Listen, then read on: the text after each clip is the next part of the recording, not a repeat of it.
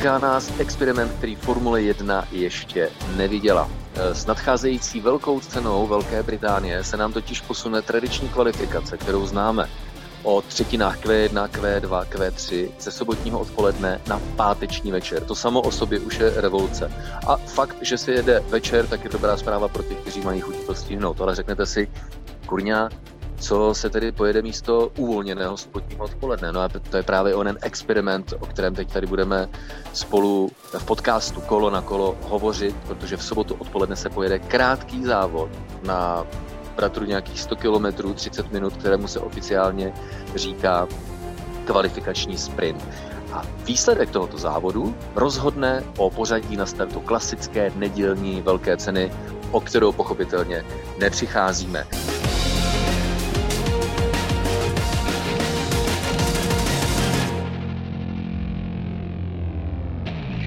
Já se jmenuji Tomáš Richter a protože si myslíme, že se jedná o velký experiment, tak jsem pozval své kamarády a kolegy, u kterých mě vlastně trošku ale pozitivně překvapujeme, eh, překvapuje, že máme mnohé společného.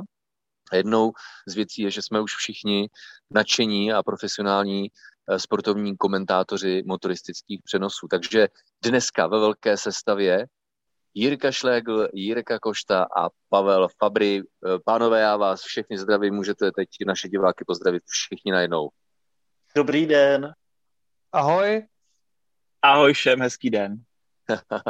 Paráda, takže chlapi, eh, rovnou jdu s otázkou do pléna, než ještě možná přiblížím konkrétní technikálie tohoto experimentu, aby naši posluchači pochopili, Eh, váš úvodní komentář pocitově, jak se vám tenhle nápad eh, líbí, Jirko Košta? Asi jsi si záměrně vybral zrovna mě, protože mně se zrovna tento experiment moc nelíbí a nejsem, nechci být úplně za konzervu, už jsme se o tom bavili společně, Tome, ale zkrátka Formule 1 měla vždycky jeden závod a byl tady nějaký koncept závodů a tohle to mi přijde takové nadbytečné, Případně, jestli má Formule 1 problémy, tak jsou jinde a ne ve formátu kvalifikací a závodu. Zajímavé, nezačali jsme úplně na pozitivní notě, ale jak jsem říkal, tenhle podcast je o názorech a pokud se názor nepotká s plánem, tak to samozřejmě je naprosto regulérní. Jak se nápad líbí Pavlu Fabrimu? No a když jsem o něm slyšel poprvé, tak si říkám, kurník, je mi 29 a už jsem konzerva, nelíbil.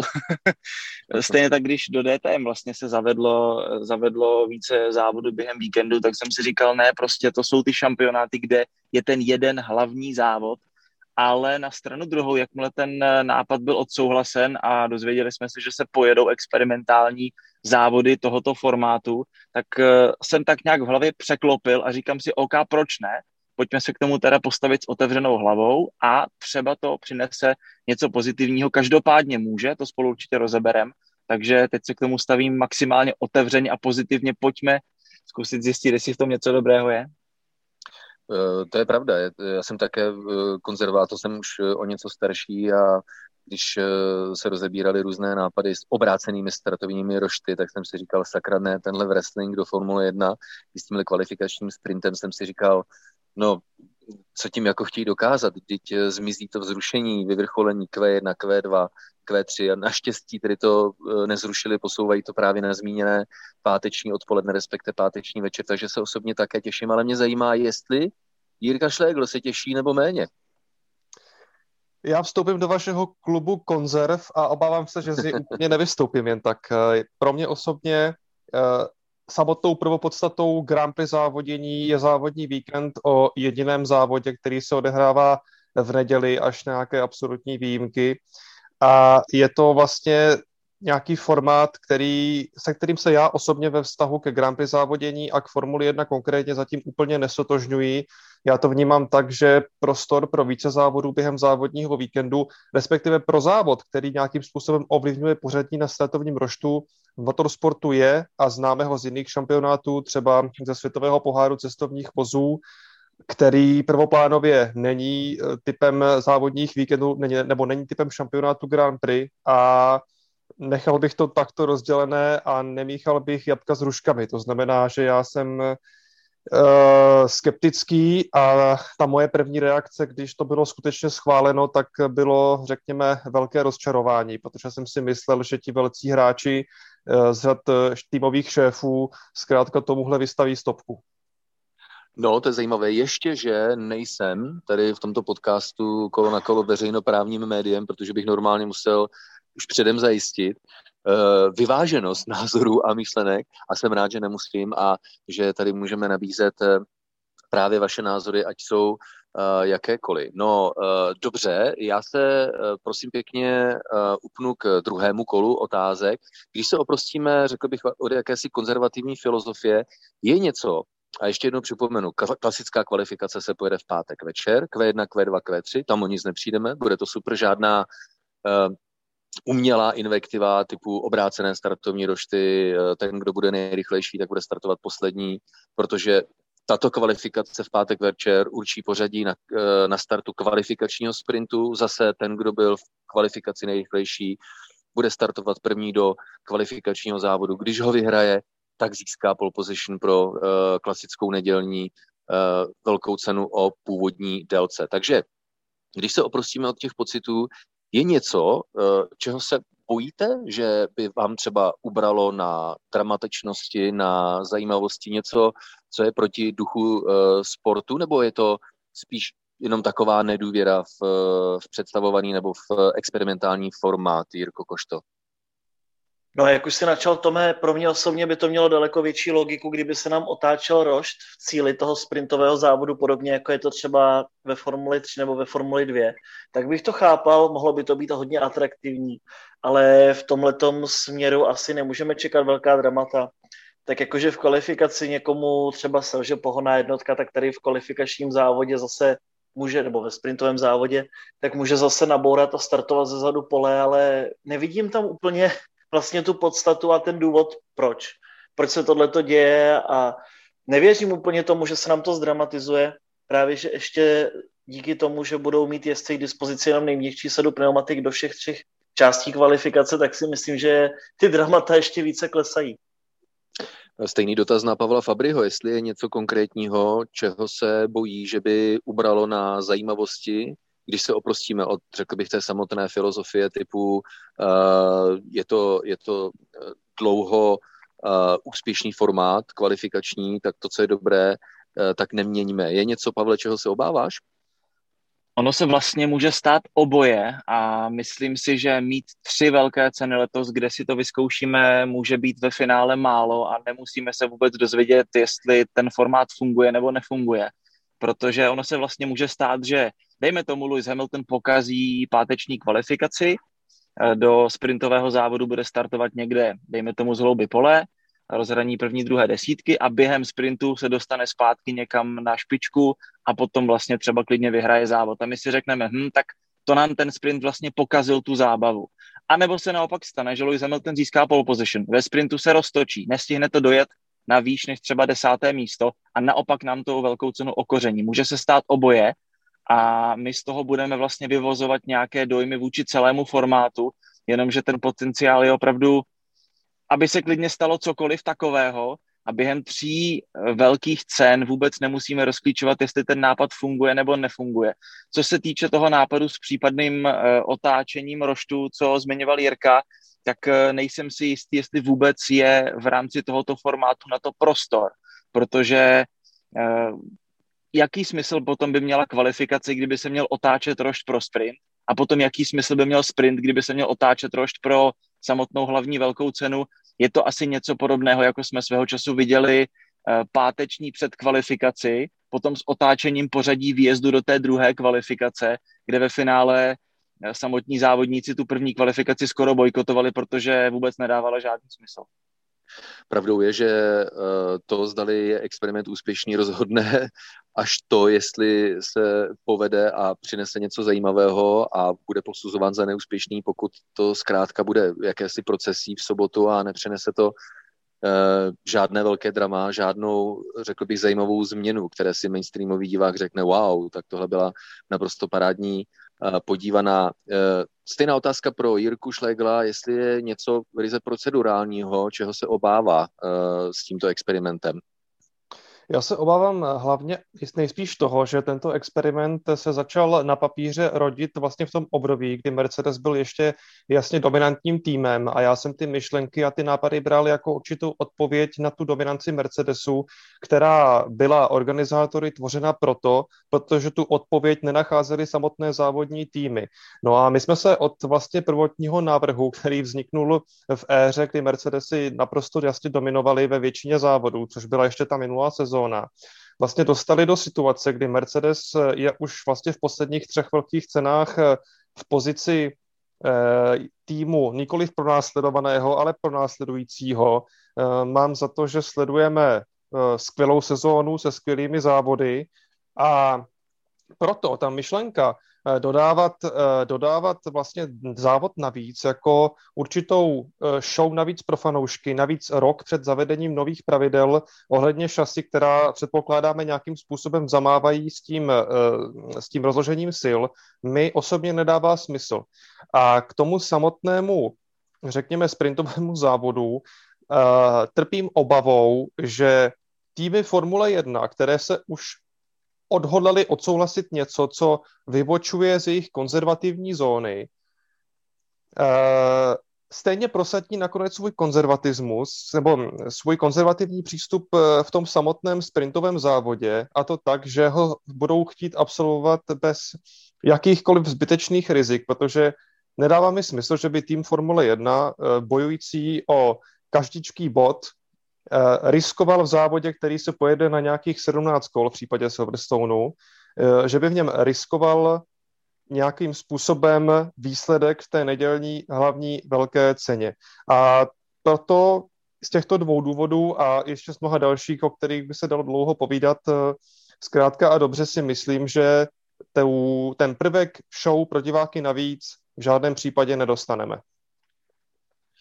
No, jo, hodně zajímavé. Je to zdaleka ne první pokus, kdy se pořadatelé Formule 1 snaží nějakým způsobem pozměnit formát závodního víkendu a e, kvalifikace obzvlášť. Byť otázkou je, jestli toto můžeme považovat za změnu kvalifikace, protože ta klasická Q1, Q2, Q3 se pojede v pátek večer, rozhodne o pořadí na startu nového prvku kvalifikačního sprintu. E, šéfové Formule 1 se vyhýbají slovu, aby to nazývali závod, protože, jak už uh, mý hosté v podcastu Kolo na kolo připomněli a zdůraznili nutnost myšlenky, že závod, velká cena musí být jedna. A ona také bude v neděli odpoledne. Velká cena Velké Británie s prvním experimentem, takže tady tenhle ten extra prvek kvalifikačního sprintu, krátkého závodu na 17 kol přibližně na 100 kilometrů. Ale přesto všechno to můžeme považovat za pokus zdramatizovat, upravit kvalifikační formát. A že to ve Formuli 1 není zdaleka poprvé, tak nám teď ve svém příspěvku uh,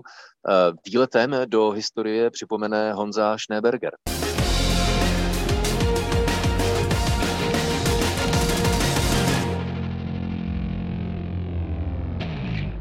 Přestože šampionát Formule 1 už existuje přes 70 let, nedošlo v rámci kvalifikací k tolika změnám, jak by se mohlo na první pohled zdát.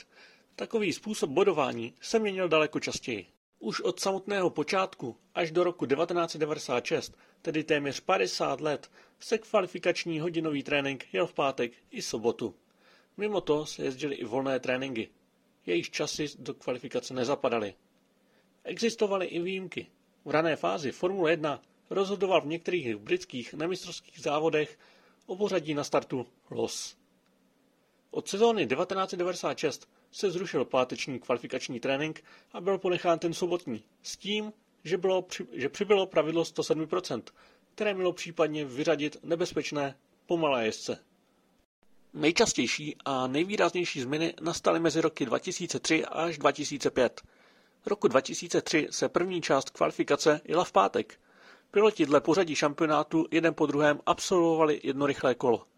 V sobotu pak jezdci zajížděli svá rychlá kola v pořadí od nejpomalejšího z předchozího dne po nejrychlejšího. O postavení na startu rozhodly právě sobotní časy. Následující sezónu se první kvalifikace přesunula na sobotu. Piloti tentokrát do první části nenastupovali dle pořadí v šampionátu, ale podle pořadí z posledního závodu. Na počátku roku 2005 se jela první část kvalifikace v sobotu odpoledne a ta druhá v neděli ráno. Časy z obou kvalifikací se tentokrát průměrovaly. Nedělní kvalifikace se však nepotkala s přílišným pochopením ani mezi jezdci, týmy či komentátory. A od Velké ceny Evropy se obě kvalifikace znovu jeli v sobotu. Od roku 2006 funguje námi dobře známý třífázový kvalifikační formát. K jeho úpravě došlo jen jednou pro první dva závody sezony 2016, kdy byli jezdci vyřazováni už v průběhu jednotlivých částí kvalifikace. Jelikož byl tento systém silně kritizován, bylo od něho po zmíněných dvou závodech upuštěno. Nebude to však poprvé, co uvidíme dva závodní starty v rámci jednoho závodního víkendu. V roce 1959 se jela velká cena Německa na okruhu Avus, známý pro své dlouhé rovinky a strmé klopené zatáčky. Kvůli obavám, že pneumatiky nevydrží plnou vzdálenost závodu, bylo rozhodnuto, že se pojede na dva 30-kolové sprinty. Velká cena Německa se posléze vrátila na ikonické Nordschleife a k podobné situaci již nikdy nedošlo.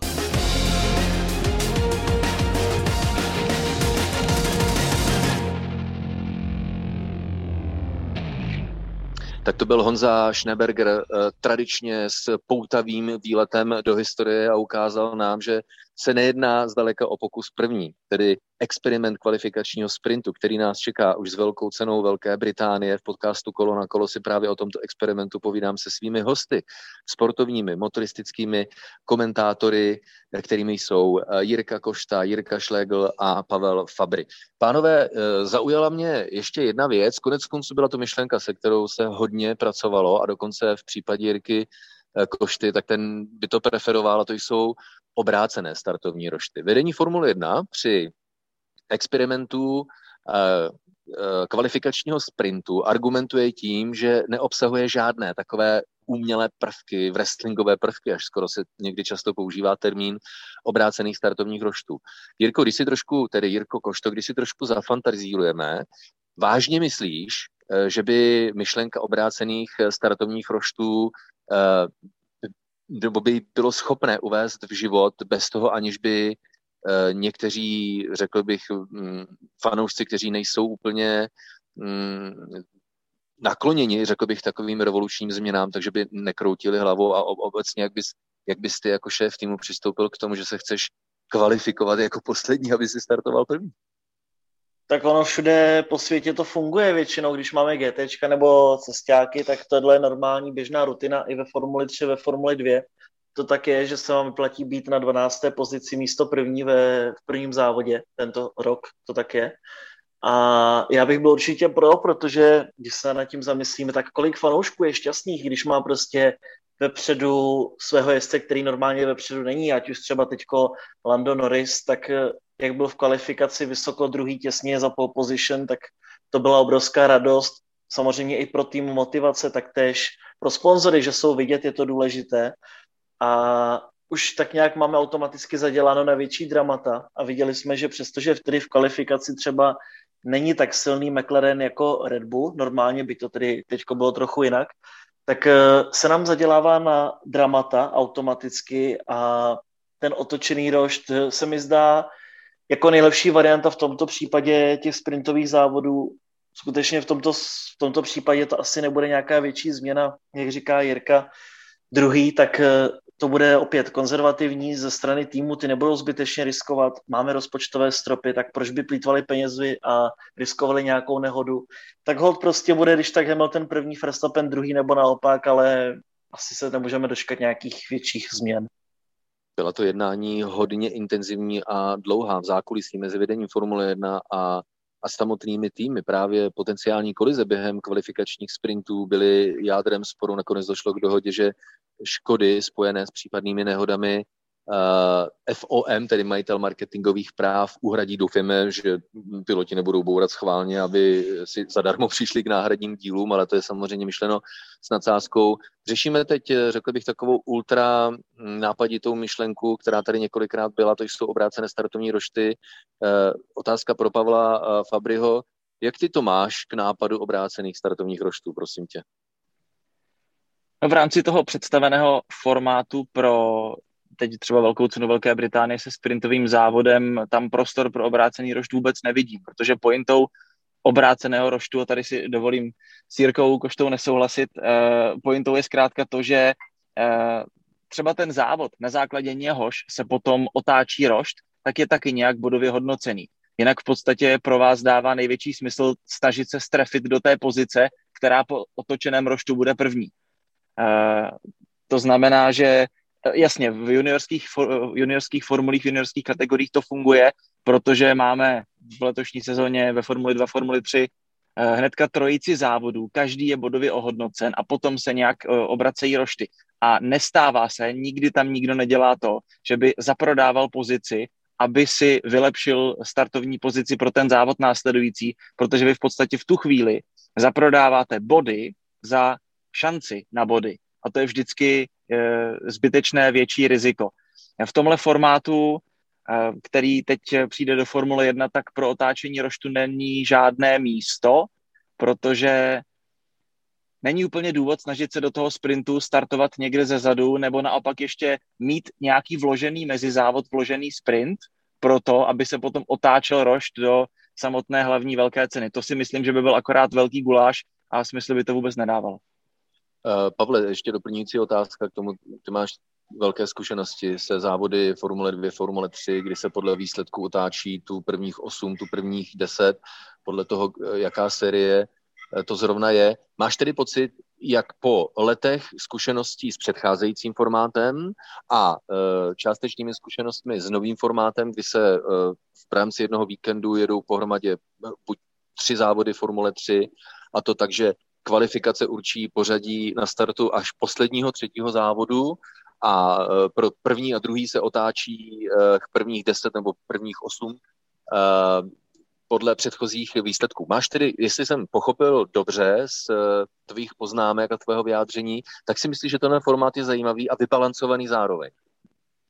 Je to tak? No hodně záleží, jak konkrétně je provedený, protože to, co vidíme ve Formuli 2 a Formuli 3 letos, tak pro mě smysl dává o mnoho méně, než to, co jsme sledovali do loňského roku, protože ono se vlastně, jasně, víc se závodí během toho víkendu, ale pořád se někdy něco otáčí. V kvalifikaci vlastně nejprv bojujeme o pole position, ale až pro třetí závod a o nějaké desáté, dvanácté místo pro první závod. Je to hodně nepřehledné, i kdybych se to teď pokusil načisto všechno popsat, jak to, jak to celé správně je, tak eh, Ideálně bychom si to museli napsat a graficky znázornit, aby to člověk na první dobrou pochopil. Eh, super to bylo do loňského roku v tom smyslu, že kvalifikace určila eh, pořadí na startovním roštu pro hlavní bodově lépe hodnocený závod, protože tam jste prostě si tu pozici vyjezdili časem v kvalifikaci. A jasně, odjel se hlavní závod, rozdali se ty hlavní velké body a potom jako taková ještě sranda navíc řeknu, se prostě otočil rošt a jel se ještě krátký sprint o další extra body, ale už jich bylo méně než v tom závodě hlavním. Tak to za mě dávalo smysl jako taková, řeknu, zábava navíc. Teď, co, co se děje vlastně ve Formuli 2, Formuli 3, my vlastně máme nejprv dva sprinty, respektive ve Formuli 2 jsou to dva sprinty, potom je hlavní závod. Všechny závody F3 jsou stejně dlouhé. Tak tam se pořád jenom otáčí, pořád míchá, do toho penalizace a člověk za celý ten víkend není schopen pomalu v té hlavě udržet, kde co vlastně ještě platilo a kde kdo vlastně kdy skončil. Uh, jelikož je eh, Jirka Košta naším alternujícím komentátorem Formule 2 a Formule 3, tak si myslím, že jenom Fera by dostal prostor pro reakci, pokud eh, máš nějakou k no. řečenému právě teď. Určitě s Pavlem souhlasím na tisíc procent, protože to vnímám naprosto stejně a už i fanoušci jsou zmatení, my osobně musíme být také občas zmatení, protože se tam děje skutečný chaos. Teďko kort eh, na Red Bull ringu, kdy přišly ještě penalizace, tak jako a oznámili se pár minut před startem toho druhého závodu, tak ani jsme nikdo netušili, kde na jaké pozici je. To samé jezdci a dělá se v tom skutečně velký zmatek. a co jsem měl možnost tak rešeršovat okolo sebe, tak ani fanoušky už to nebaví, když jsou tři závody. Takže podle mě krok špatným směrem a nějaká úspora finanční si také myslím, že není, protože týmy byly zvyklé cestovat eh, se stejným vybavením na Formule 2 a na Formule 3 na stejný víkend, ale teďko se to dělí, takže jsou tam investice navíc pro ty mechaniky a nedivil bych se, kdyby se formáty vrátily zpátky do starého režimu. Mm, Já bych si tam dovolil ještě malou vsuvku, jestli můžu. Určitě. Zrovna u Formule 2, Formule 3, jasně je to teď větší chaos, ale v zásadě uh, to je prostě juniorská série, kde nad tím ve finále mávneme rukou a jsme rádi, že sledujeme tři závody nabité akcí a jestli tomu ve finále rozumíme nebo nerozumíme, je nám nakonec jedno. Jasně, kromě toho, že eh, fandíme českým barvám, tak eh, nám jde hlavně o to podívat se na zajímavé závodění, v případě juniorů na bezhlavé manévry, občas na zajímavé krešky, to nás baví, ale kdybychom něco podobného měli mít ve Formuli 1, kde už opravdu se hodně jede na to, kdo komu fandí, kdo je čí oblíbenec, tak, eh, tak ty zmatky nás v tom baví o mnoho méně. Skoro mám eh, z našich hostů v podcastu Kolo na kolo pocit, jako kdyby společným závěrem mohla být myšlenka. Z experimenty ano, ale velmi opatrně a jenom připomenu, že mými hosty jsou sportovní komentátoři Jirka Košta, Pavel Fabry a Jiří Šlegl, kterého teď poprosím, Jirko, eh, vlastně jsme zabrusili eh, také do prostředí Formule 2 a Formule 3 Eh, komplexní, experimentální, de facto také formáty, které už ale byly uvedeny v život. A když zmiňuji nápad obrácených startovních roštů a řeknete si, že je to mimo, tak ne úplně, protože z této eh, odvážné myšlenky vzešel právě kompromis, klasická kvalifikace v pátek večer na Silverstone už příští týden a nový eh, experiment eh, kvalifikačního sprintu v sobotu odpoledne je jakýmsi kompromisem právě divokého náporu obrácených startovních roštů. Takže Jirko Šlegle, teď prostor pro tebe, jak jestli chceš komentář k novým formátům Formule 2, Formule 3 a samozřejmě jak by se ti líbila nebo nelíbila myšlenka obra- takzvaných obrácených startovních roštů. Eh, já si myslím, že obrácený startovní rošt eh, jde proti jedné ze základních sekcí DNA Formule 1 a to je vyhlášený pohár konstruktérů. Protože ten tady máme proč? Proto, aby se týmy eh, snažili a byly motivovány k tomu, aby pomocí vývoje a pomocí využití vlastního know-how a vlastně nejlepších inženýrů na světě eh, pracovali na tom, aby byli rychlejší než konkurence, a to jak v kvalifikačním, tak v závodním režimu. No a pak, když bychom zavedli vlastně eh, obrácený startovní rošť, eh, tak de facto by to šlo přímo proti tomuhle principu. Neříkám, že to tak musí vnímat i fanoušci nebo naši posluchači. Já osobně to tak prostě vnímám a pak, když máme Formuli 1 založenou na principu takovém, že každý tým staví vlastní monopost s cílem být co nejrychlejší, co nejefektivnější, tak zkrátka a dobře něco takového do Formule 1 potom nepatří. Eh, co se týče obracených startovních roštů eh, obecně, já si třeba myslím, že Máme ho v šampionátu Formule 3, Formule 2 i právě z určitého logistického důvodu, protože i s tím, jak se nám třeba přidává jeden závod do závodního víkendu a s tím, že e, většinou juniorská formulová série není jedinou doprovodnou sérií, tak zkrátka a dobře by bylo čím dál tím také těžší hledat prostor pro další kvalifikaci. Takže já tam vidím i tenhle ten další rozměr, že si tím tak trošičku organizátoři vlastně mohou i ulehčovat práci v té samotné organizaci a skladbě jednotlivých session během závodního víkendu. A kromě juniorských šampionátů a šampionátů cestovních vozů, ať už světového poháru či nižších regionálních sérií TCR, eh, řekněme, že tam nějakým způsobem jsme zvyklí sledovat obrácené za, za eh, startovní rošty vlastně už od času VTCC, ale spousta dalších šampionátů vlastně od něčeho takového eh, postupně hm, opouští. Jirka druhý zmiňoval eh, různé šampionáty vozů Gran Turismo. Pokud se třeba v Evropě podíváme na vrcholný šampionát pana Stefana Ratela GT World Challenge Europe, tam máme v té sprintové odnoži dva závody za víkend, ale každý má svoji kvalifikaci, vždycky před ním. A pokud se podíváme třeba na DTM, eh, kde už se také závodí s vozy DT, mm, eh, GT3, máme dva závody za víkend, ale taky má každý svoji vlastní kvalifikaci. Takže já třeba osobně v těch obrácených startovních roštech eh, nevidím v budoucnosti nějaký větší rozmach a proč se mi nelíbí ta myšlenka spojená s Formulí 1, to jsem už říkal. Ještě bych k tomu dodal jednu věc. Myslím si, že pokud by taková myšlenka skutečně ve Formuli 1 ležela na stole a byli by osloveni šéfové týmu, aby k tomu zaujali nějaké stanovisko, tak spousta z nich by argumentovala proti s využitím vlastně argumentace z hlediska bezpečnosti, protože pokud jsou ty výkonnostní nůžky tak doširoka rozevřeny, jako jsou aktuálně, kdy máme na trati tým Haas, který na, na nejlepší během závodu ztratí dvě kola v případě Mika Schumachera, tři kola v případě Nikity Mazepina, a kdyby tyto vozy měly rázem startovat z čelních míst, tak si dovedu představit, že by to spoustě týmových šéfů, Totu Wolfovi či Christianu Hornerovi, eh, dělalo velké vrázky eh, na čele. A myslím si, že by určité obavy z určitého postartovního chaosu, zvláště v závodě, který by měl nějaký kratší formát, byly oprávněné a na místě. Takže tohle je ještě další rozměr, který já v tom osobně vidím a který by měl sloužit jako argument proti. To je zajímavý uh, komentář, uh, Jirko Šlégle, protože to je obava z jedné strany a pokud mohu nabídnout posluchačům obavu z druhé strany, a to je ta má, spojená s kvalifikačním sprintem, tak ono se to nezdá. Ono se řekne, je to pouze 100 kilometrů, 17 kol, ale de facto se jedná o třetinu velké ceny. A právě s ohledem na výkonnostní rozložení startovního pole se bojím, že jde o příliš velký prostor na to, aby se právě a týmy a jednotlivé vozy jednotlivých týmů roztáhly, což eh, přinese zřetelnější složení na startu nedělní velké ceny, než to, co nabízí kvalifikace klasická, protože tam te, při oné jízdě na, na ta 102-103%, tak prostor pro to, aby se výkonnostně e, roztáhlo celé startovní pole, tak si myslím, že je menší. Ale to je jenom moje obava, která se může buď potvrdit, a nebo naopak eh, se může ukázat jako lichá.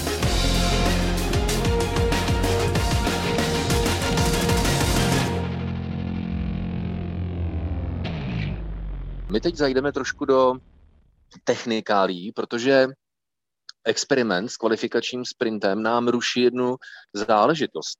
Jeden princip, na který jsme hrozně uh, dlouho zvyklí, a to je, že v kvalifikaci, klasické kvalifikaci Q1, Q2, Q3 mohou týmy používat různé sady pneumatik a bývá už v mnoha posledních letech takovým zvykem, že silnější týmy při snaze postoupit z prostřední části kvalifikace do té poslední mezi nejrychlejších deset, tak se snaží použít eh, eh, specifikace eh, prostřední tvrdosti pneumatik. Protože ten, kdo postoupí do nejlepší desítky, tak na stejné sadě, na které se mu to povede, tak startuje do nedělního závodu. Viděli jsme zase ve velkém, uplynul velkou cenu Rakouska, prakticky polovina pilotů z nejlepší desítky dokázala pak díky tomuto principu ostartovat do závodu na tvrdší žluté sadě a tím pádem položit základ výhodnější strategii a byli tak ve výhodě oproti těm, kteří nemají tak silné auto pro kvalifikaci, musí postupit do Q3 na červené sadě, tím pádem tuto červenou nejměkčí sadu mají na startu závodu a e, ve výchozím e, měřítku už de facto také méně výhodnou strategii. Doplatili konkrétně v Rakousku na to ve velkém vozi Alfa Tauri anebo Aston Martin. Tak a pro experiment s kvalifikačními sprinty to bude odlišné, protože pro klasickou kvalifikaci Q1, Q2, Q3, která se půjde v pátek večer, tak se půjde zásadně na nejměkčí sadě gum. Piloti budou mít k dispozici čtyři sady a nebudou moci nasadit žlutou.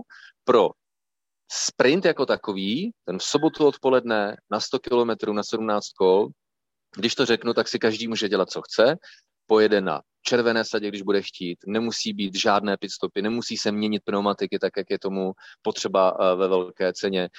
Dokonce šéfové eh, Formule 1 předpovídají, že někdo eh, by mohl nasadit sadu prostřední tvrdosti, žlutou a jet agresivněji od startu do cíle. To je to, čím oni argumentují šéfové Formule 1. Říkají, my chceme, aby prostě všichni v tom kvalifikačním sprintu jeli naplno od začátku do konce. Ale také to znamená, protože si řeknete, no ale jak bude určeno, uh, určena volba pneumatik pro nejlepší desítku na startu velké ceny, tak jak jsme na to zvyklí, také toto padá. To znamená na startu velké ceny Velké Británie v neděli odpoledne si může každý, včetně těch, kteří jsou v nejlepší desítce, zvolit jakoukoliv sadu chtějí. Tak, a já se ptám teďka mých tří hostů a začnu zase u Jiriky Košty, když jsem takhle eh, našim posluchačům podcastu Kolo na kolo popsal důležitou změnu která má vliv na volby pneumatik. Do kvalifikace, pro kvalifikační sprint a pro samotnou velkou cenu, Jak se ti to líbí a hlavně, jestli je něco, čeho se zase obáváš, anebo máš naopak pocit, že je to lepší, protože už se v posledních uh, týdnech objevují kritické hlasy, že právě to pravidlo, uh, které zvýhodňuje silné týmy, s možností postoupit na eh, pneumatikách střední tvrdosti do závěrečné části kvalifikace a tím pádem na start závodu, tak je právě zvýhodňuje a je to nefér. A mě zajímá tvůj komentář, protože paradoxně tohleto čím dál víc kritizované pravidlo v posledních dnech, tak bude tímhle vymazáno. Jirka Košta. Vymazáno sice bude, ale na druhou stranu to bude stejné pro všechny a neuvidíme takové ty hazardy, protože se zkrátka pojede na tu maximální možnou rychlost a nemůžeme tedy čekat v kvalifikaci asi nějaké zázraky vyloženě. A myslím si, že to tedy bude takové v té prostřední části, že víme, že několikrát je v ohrožení třeba Sergio Pérez nebo Valtteri Bottas s tím, že právě má tu tvrdší sadu na rozdíl od eh, soupeřů, tak eh, se obávám, že se nám to opět trošičku stabilizuje a bude to o to méně zajímavé. Ale ještě jedna z věcí, kterou jsem chtěl zmínit, že jelikož máme jenom jeden volný trénink a pak máme kvalifikaci, tak vlastně nedostanou příležitost eh, ti páteční rezervní jezdci se ukázat v monopostech Formule 1. A to mě osobně hodně bolí, protože se podívejte na to, jako měli všichni radost, když viděli Ailota Joa teďko během pátečních volných tréninků u, u Alfa Romeo a u Alpin. A to nám teďko zmizí, takže podpora těch mladíků jde úplně vniveč a také si myslím, že zase jedno takové mínus tohoto formátu.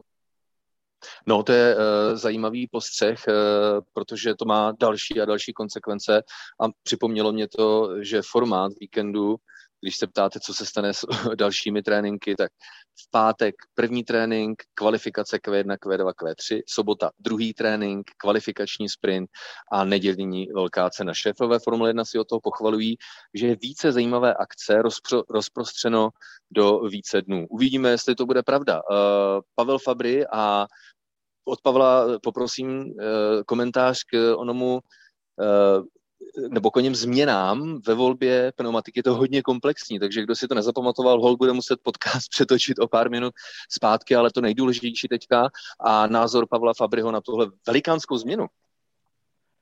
Tak to je asi takový detail, který mě, který mě osobně moc nevadí, protože eh, silné týmy eh, tím, že mají veliký výkonnostní, velkou výkonnostní převahu proti těm slabším, tak si dokonce můžou dovolit ten luxus zkusit postoupit do té třetí části kvalifikace na tvrdším obutí, které je pak vhodnější pro start závodu. To znamená, že jejich výkonnostní výhoda jim generuje ještě další výkonnostní výhodu. A to, že ji teďka odebereme a v podstatě všichni se musí kvalifikovat na měkkých pneumatikách, asi nemám nic proti tomu, v podstatě silnější přijdou o jeden takový menší bonus, to by teoreticky mohlo vést i k nějakému drobný, drobnému vyrovnání sil a naopak se může stát, že někomu opravdu tam něká sada uh, moc nesedne a doplatí na to. Uh, asi tolik k tomu. Ano, ano, ano, zajímavé. Zajímavé předpoklady, uvidíme, jak to všechno dopadne. Výrazné, tedy alespoň z našeho pohledu nás, když jsme vlastně se tady sešli všichni čtyři konzervativní osobnosti, tak komentář výrazné anebo nevýrazné změně eh, pravidel kolem eh, pneumatik. Jiří Šlegl. Já jsem zvědavý, jak tomu budou vlastně týmy přistupovat v tom eh, okénku mezi sprint race v sobotu a kvalifikaci a závodem Grand Prix v neděli, protože najednou nebude vlastně hned po kvalifikaci dáno, kdo na jaké směsi bude startovat, tak jsem troš, trochu s nadsázkou přemýšlel, jestli třeba tam bude v úzovkách nějaké špiclování v pedoku, aby se předem zjistilo, kdo na čem bude startovat, byť samozřejmě eh, tohleto v úzovkách okoukávání ved, hm, vedlejší garáže je limitováno nějakou povinností deklarovat startovní směs pneumatik, která předpokládám, že by měla být eh, nějakým způsobem zavedená, nebo respektive ona je zavedená vlastně pro ty týmy, které v současnosti se nedostanou dostanou do Q3 a do určité chvíli před startem vlastně musí být jasné, na čem ty vozy startují. Nicméně napadla mě tahle ta myšlenka, protože uh, už to nebude um, pro ty týmy, vlastně, které postoupí do Q3 uh, z pohledu náhledu konkurence na ně tak, tak čitelné, jak to bylo eh, dodnes. Neříkám, že to byl nějaký klíčový faktor v těch závodech, jenom jsem o, to, o tom přemýšlel tímto směrem.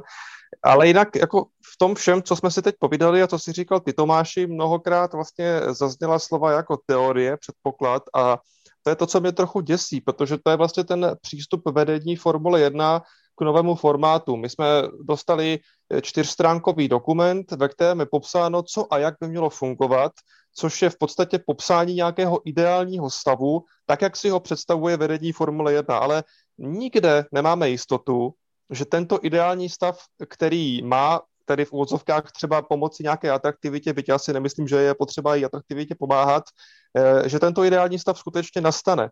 Takže já se trošičku obávám té varianty, jako to bylo před pár lety, kdy se zkoušel zavést eh, nový kvalifikační formát s těmi eliminacemi vlastně po několika sekundách, že by znovu mohlo vlastně nastat situace, kterou nedokázal předem nikdo predikovat a která vlastně odhalí až tím užitím v praxi spoustu různých trhlin, který tento nový formát má a které vlastně nebudeme schopni odhalit až do chvíle, než ho poprvé vyzkoušíme v praxi, to znamená na Silverstone.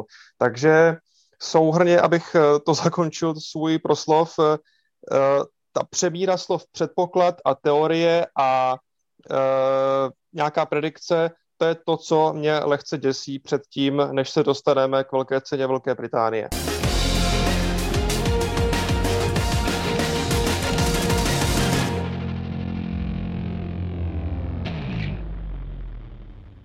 Podcastu Kolo na kolo si povídáme o chystaném velkém experimentu kvalifikační sprinty v sobotu odpoledne a klasická kvalifikace naštěstí nebude zrušena, ale bude přesunuta eh, do pátečního večera. Povídáme si se sportovními komentátory, eh, kterými jsou eh, Jiří Košta, Pavel Fabry a Jiří Šlégl.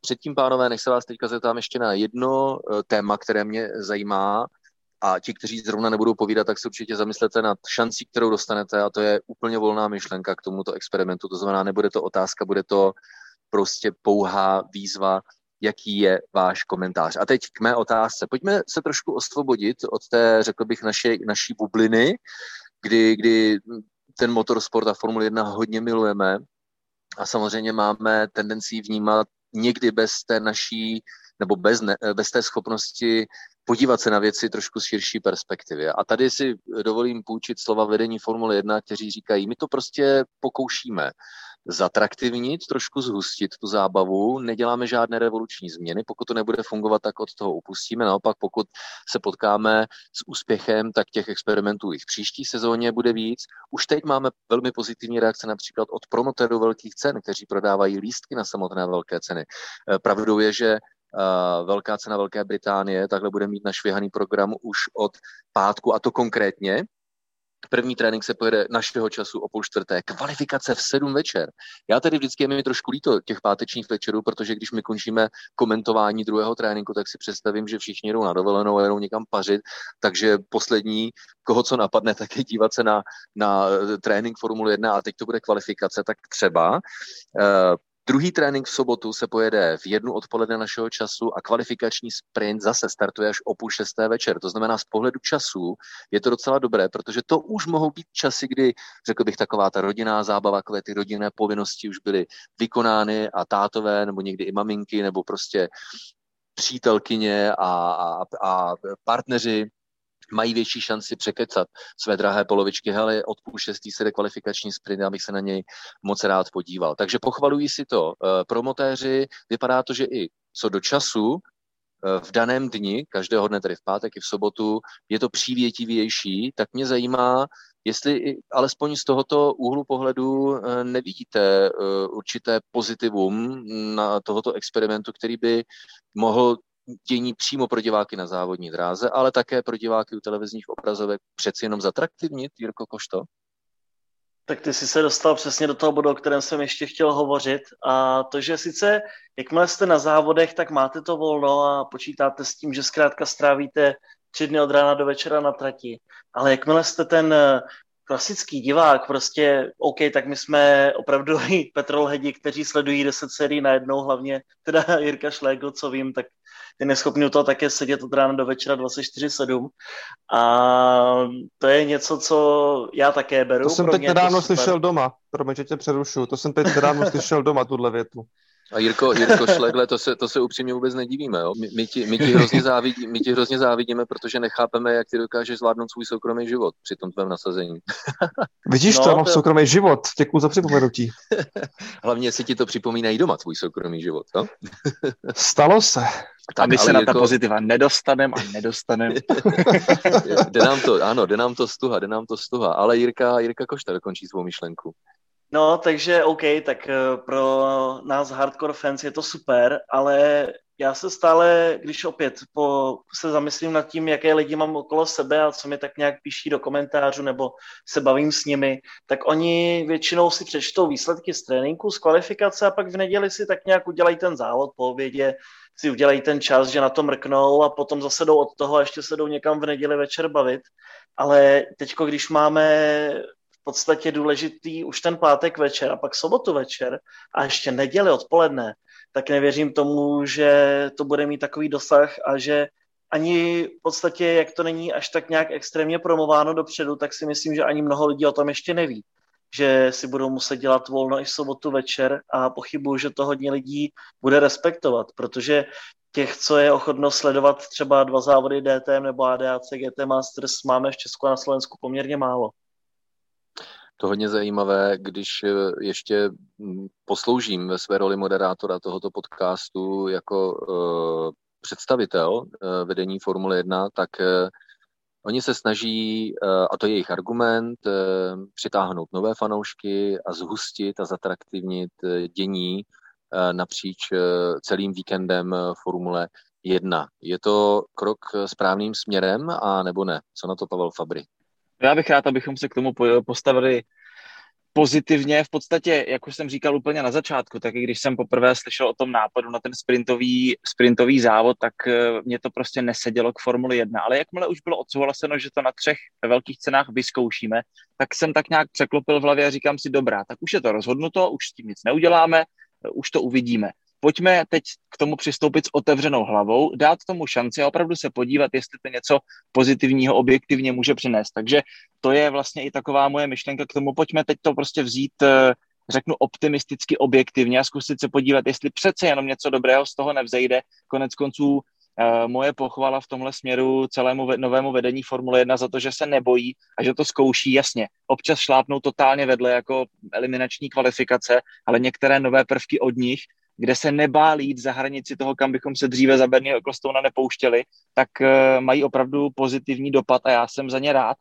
Uh, a ještě takový druhý element, asi z mojí strany, a to je takový apel, až skoro možná výtka všem fanouškům. My totiž všichni jako lidi uh, se rádi zamykáme do toho myšlení, že dřív bylo líp a to nové je špatné. Eh, a to prostě děláme všichni, eh, to tak zkrátka asi máme nastaveno. Eh, a kolikrát jsem slyšel ten názor, že třeba v současné době pneumatiky, strašná bída, protože jestli musí šetřit, je to nuda, nemůžou jet naplno, není to tak atraktivní. Upřímně řečeno, když jsme měli pneumatiky, s kterými se mohlo jet stoprocentně naplno, tak opravdu vaše auto muselo být výkonnostně někde úplně jinde. A nebo řeknu vy jako jezdec, jste museli být výkonnostně někde úplně jinde než soupeř, abyste měli realistickou šanci na předjetí. to teď třeba s pneumatikami Pirelli, eh, ty výkonnostní rozdíly během závodu se hodně míchají, hodně mění a opravdu to vede třeba k častějšímu předjíždění. Někdy možná trošku umělému, ale to nechme stranou.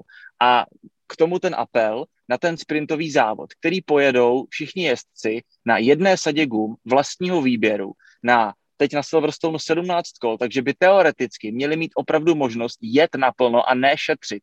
Tak si na to schválně podívejme, jestli to je to, co chceme a jestli opravdu to je to, co přináší tu senzační zábavu.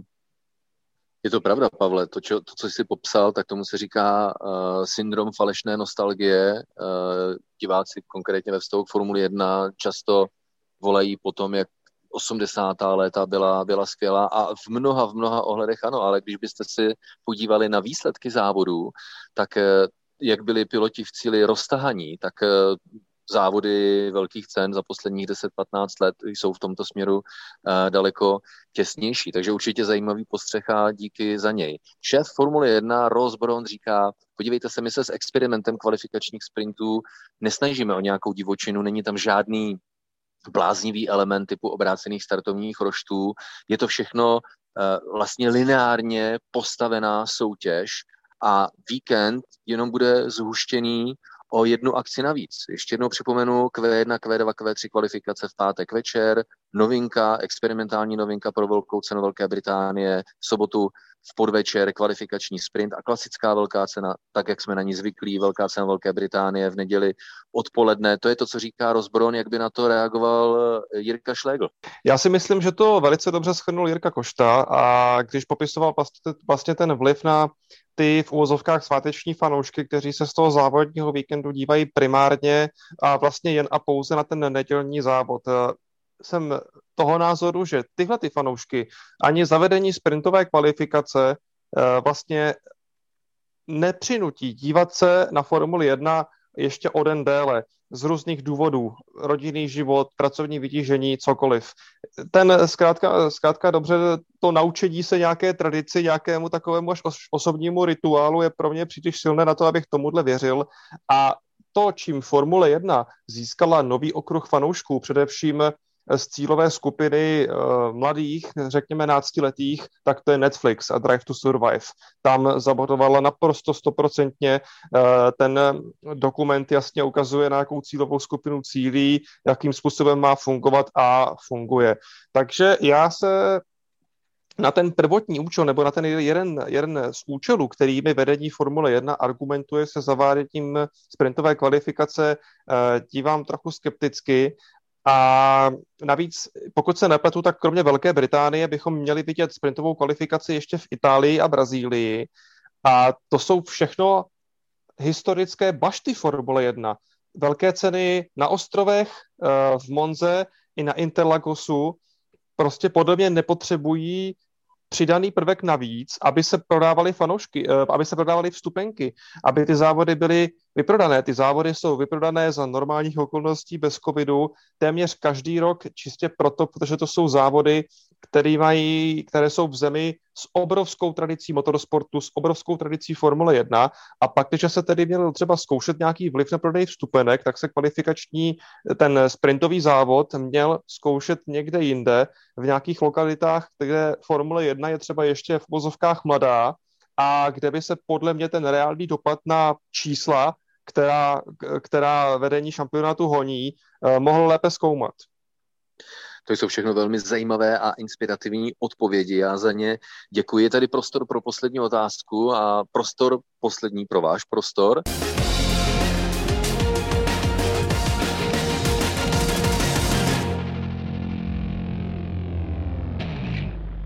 děkuji vám za to, že jste přijali mé pozvání do podcastu Kolo na kolo.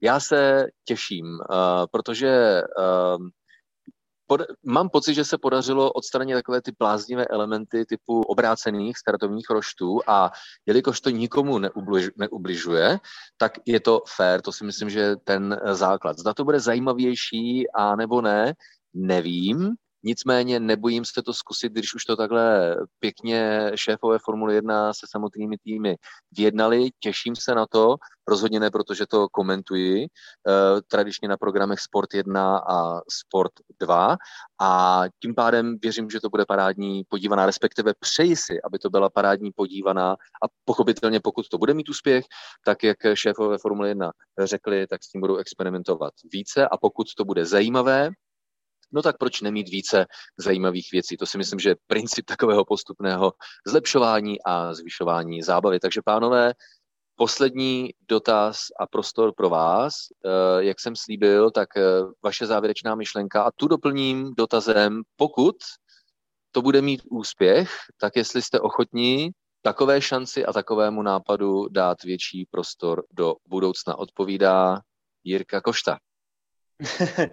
No, nechci opět, opět působit konzervativně, ale já tomu asi příležitost dávat nechci, protože už sleduji vlastně bez vynechání jednotlivé Grand Prix Formule 1 od roku 2007 od prvního závodu, takže 14 let v kuse. A jak ten formát funguje, tak to prostě miluji. Miluji, že, jsou, že tady rozbor pátečních tréninků, spekulujeme, jak to bude. Pak je kvalifikace, máme ten prostor si pročíst ty debaty a spekulovat o tom, jak to bude. Jdeme spát s nervy, pokud je náš favorit eh, hodně vepředu. Říkáme si, jak asi odstartuje, jak by mohl najet do první zatáčky, jak by mu to strategicky mohlo vyjít. A je to zkrátka něco, co já miluji. Nikdy, mi, nikdy jsem si na to nestěžoval, nikdy mi to nepřišlo jako nuda. A to je jedno, jestli dominoval Red Bull, Mercedes nebo před lety Ferrari. Prostě, jak říkal teď Jirka Schlegel, myslím, že to byl, tak prostě je to velká cena. Je to Formule 1, je to ten vrchol motorsportu, je to to hlavní, na co se všichni těšíme. A tak by to mělo zůstat, mělo by to být jedinečné a ne, že budeme mít v podstatě takový fejkový falešný závod. Díky. Eh, Pavel Fabry už de facto dvakrát naznačil, takže jeho odpověď zde je ochoten tomu dát šanci částečně známe. Eh, přesto všechno, eh, Pavle, tvůj prostor pro závěrečnou myšlenku. Já v tomhle směru souhlasím a nesouhlasím s tím, co, s tím, co je řečeno, co říkal teď Jirka. Vlastně, kdybych já měl rozhodnout, jestli sprintový závod implementujeme, tak bych byl taky konzervativní a byl bych proti. Ale naštěstí tohle už tohle rozhodovat nemusím. Bylo mi to nebo bylo nám to, řekněme, odebráno, bylo to rozhodnuto za nás, už se to děje, tak si teď naopak říkám, dobrá, už se to děje, tak se pojďme k tomu přistoupit s otevřenou hlavou, zkusme tomu dát ten prostor, třeba z toho vyleze něco zajímavého. Eh, v zásadě za mě tři velké ceny, na kterých si to vyzkoušíme, můžou být málo. Může se stát, že ta změna vlastně nepřinese nic a neukáže ten potenciál, který teoreticky má. Opravdu se může stát, že kvalifikace zamíchá kartami, sprintový závod zase to pořadí srovná do nějakého typického rozložení sil a velké ceny budou nudné. Ale taky to má potenciál udělat přesný opak. Dejme tomu šanci, uvidíme, co z toho bude. Eh, jak si Tomáš říkal, nikoho to snad nebude bolet, eh, takže pojďme k tomu zkrátka přistoupit otevřeně. Třeba se mílíme a třeba si znovu dokážeme, že jakožto fanoušci Formule 1 a obecně jako svět Formule 1 jsme možná trošku zaprdění a až moc konzervativní a občas to chce trošku čerstvější vítr. No, jak se říká slovy klasika, zpátky na stromy nebo zpátky na rysovací prkna, podle toho, jak to dopadne. Je připraven uh, pozměnit, ani ne možná tak své názory, ale spíš dát tomu šanci, dát šanci většího prostoru, pokud by se víkend Velké ceny Velké Británie líbil Jirku Šléglovi a jeho závěrečná myšlenka v dnešním povídání. Pokud u mě hledáš názorovou diverzitu, tak tě zklamu. ne, já se omlouvám, ale já se musím eh, z velké části stotožnit s tím, co říkal Jirka Košta eh, ve své závěrečné myšlence. Eh, anglic, anglicky mluvící fanoušci, komentátoři, novináři mají skvělý výraz build-up, který se dá popsat jako vlastně postupná gradace, postupné šponování toho napětí během víkendu od uh, zasnutí červeného světla na pit lane před startem prvního tréninku až po start do zahřívacího kola v nedělní Grand Prix a tahle ta postupná gradace od prvních tréninkových kol, kdy ještě nikdo nic moc netuší o své formě, o tom, jak na tom daném okruhu na tom je, až po ten uh, zlatý hřeb v podobě Grand Prix, to je zkrátka pro mě absolutní esence Grand Prix závodění, kterým Formule 1 je. A já prostě si nemůžu pomoct, ale sprintové závody jsou mi z tohohle důvodu hrozně moc proti srsti. A ono to ani není tak o tom, že my, kteří se zabýváme Formulí 1, jsme pardon, příliš konzervativní. Obecně motorsport, motorsport se hodně otevírá a nabízí nové formáty pro nové fanoušky. Máme tady šampionáty jako třeba Extreme E, naprosto revoluční formát eh, závodů elektrických offroadů na absolutně v úzovkách šílených lokalitách, jako je Gronsko či Amazonie. Máme tady nový šampionát eh, elektrických cestáků Pure TCR, který má také naprosto netradiční formát od toho, co známe. Takže já si myslím, že obecně eh, ten konzervatismus v motorsportu bourají tyto nové formáty, ale zároveň by měla celá ta pyramida stát na nějakých pevných základech. A těmi pevnými základy jsou ty v mých očích největší z největších. To znamená mistrovství světa vozů Formule 1 a další velikáni, jako je 24 hodin Le Mans či Indy 500. A z těchto důvodů a i z toho důvodu, jak je motorsport sám o sobě rozmanitý, jsem proti tomu, aby se podobné experimenty míchali do závodních víkendů Formule 1. Díky moc za to, díky moc za vaše názory. Je to skoro až neuvěřitelné. Já jsem samozřejmě předem netušil, jaké odpovědi uh, mý hosté v podcastu Kolo na kolo ve vztahu k experimentu uh, sprintových kvalifikačních uh, závodů budou mít, ale pomyslná rada pro rozhlasové a televizní vysílání by měla radost, protože když to takhle sečtu, tak je to dva na dva. Jirka Košta a Jirka Šlegl Jirkové nelíbí se jim to, nejsou tomu úplně nakloněni, oproti tomu já, Tomáš Richter a Pavel Fabry se shodneme v tom, že když už ta šance tady je, když už bylo rozhodnuto, že to eh, vyzkoušíme, tak k tomu pojďme přistoupit s hlavou otevřenou, může to výjít a já se na to osobně těším. Takže ještě jednou moc krát děkuji jednak vám, posluchačům, za to, že jste to doposlouchali až sem a také svým hostům speciálního podcastu Kolo na kolo, Eh, k, ke speciálnímu experimentálnímu formátu Velké ceny Velké Británie, kterou samozřejmě můžete sledovat na programu Sport 1 a Sport 2 už příští týden o víkendu. A já děkuji, mými hosty byli Jirka Šlegl, Jirka Košta a Pavel Fabry. No a my se těšíme nejenom u dalších přenosů, ať už to je Formule 1, Formule 2, Formule 3 nebo čehokoliv dalšího, co se týká motorsportu, ale třeba u dalších podobných povídání. Naslyšenou.